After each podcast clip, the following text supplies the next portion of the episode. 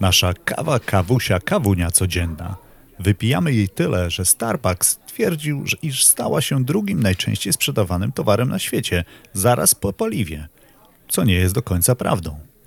A co ma wspólnego z kozą lub kamerą internetową i jak w 1932 roku pomogę olimpijczykom? Zostańcie ze mną. Uwaga, startujemy. Jest kilka legend, jak zorientowaliśmy się, że kawa to całkiem niezły pobudzający napój. Pochodzą one głównie z Etiopii lub Jemenu. Według jednej z nich w IX wieku niejaki Kalit, pasterz Kus, zauważył, iż jego kozy są podejrzanie podekscytowane. Jak się okazało, zjadały jakieś jagody. Kiedy powiedział o tym opatowi w klasztorze, postanowili przetestować wywar z tych jagód, co samo w sobie było już trochę ryzykownym posunięciem. Po zaparzeniu wyrzucili nasiona do ogniska i po chwili poczuli znany nam wszystkim aromat. Tak podobno powstał pierwszy kubek kawy. Kawa rozprzestrzeniała się z Bliskiego Wschodu przez Bałkany, Włochy na całą Europę. W XVI wieku była już stylowym napojem w Paryżu. Lecz zanim tam dotarła, była przez jakiś czas zakazanym napojem na Bliskim Wschodzie. Dokładnie przez 13 lat, zanim z rozkazu Sulima I odwołano zakaz. W Europie też nie miała łatwo. Była nazywana gorzkim wynalazkiem szatana, który przewędrował od niewiernych. Dopiero papież Klement VIII po degustacji przywrócił kawę do łask.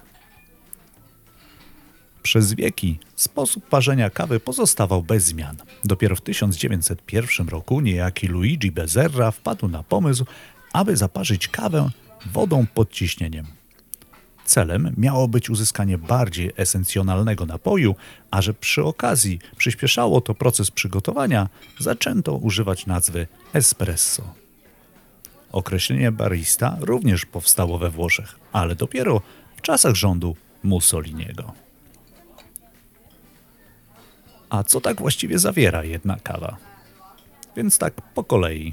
Około 0,05% lipidów, 0,05% węglowodanów, glukozy i fruktozy, 0,6% innych kwasów, minerałów, witamin A, E, K, potas, siarka, magnez oraz 99,3% wody. I tylko, uwaga, tylko 1,01% kofeinę.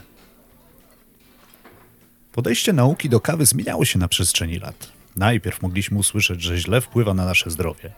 Teraz przeważają głosy, iż ma pozytywny wpływ. Co ciekawe, dopiero w 2016 roku WHO wycofało kawę z listy potencjalnych rakotwórczych czynników, co nie zdarza się codziennie. A jak działa kawa? Kiedy budzisz się, nasz mózg wyzwala produkcję adenozyny. Poziom tego związku organicznego jest stale monitorowany w ciągu dnia przez system nerwowy. Kiedy jej poziom spadnie, nasze ciało zaczyna nam sugerować odpoczynek. Kofeina po spożyciu zastępuje lub też udaje adenozynę. Nasz organizm potrzebuje zazwyczaj około 5 do 6 godzin, aby wydalić kawę. Co ciekawe, Kobiety stosujące tabletki antykoncepcyjne potrzebują dwa razy tyle czasu, a palacze dla odmiany dwa razy mniej. Jeśli chcecie odstawić kawę, objawy mogą być różne. Od najczęściej spotykanego bólu głowy do zmęczenia, letargu, nudności, a nawet wymiotów.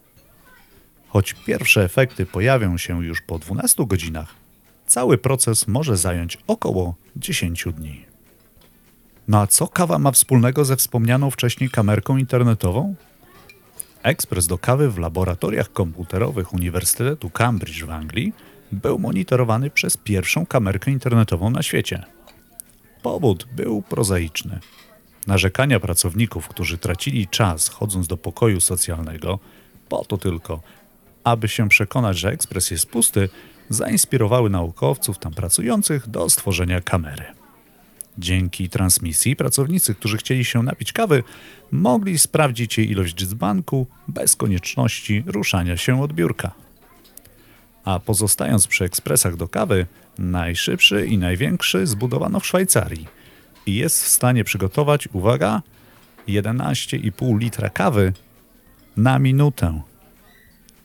Jak wspomniałem wcześniej, kawa pomogła też olimpijczykom z Brazylii.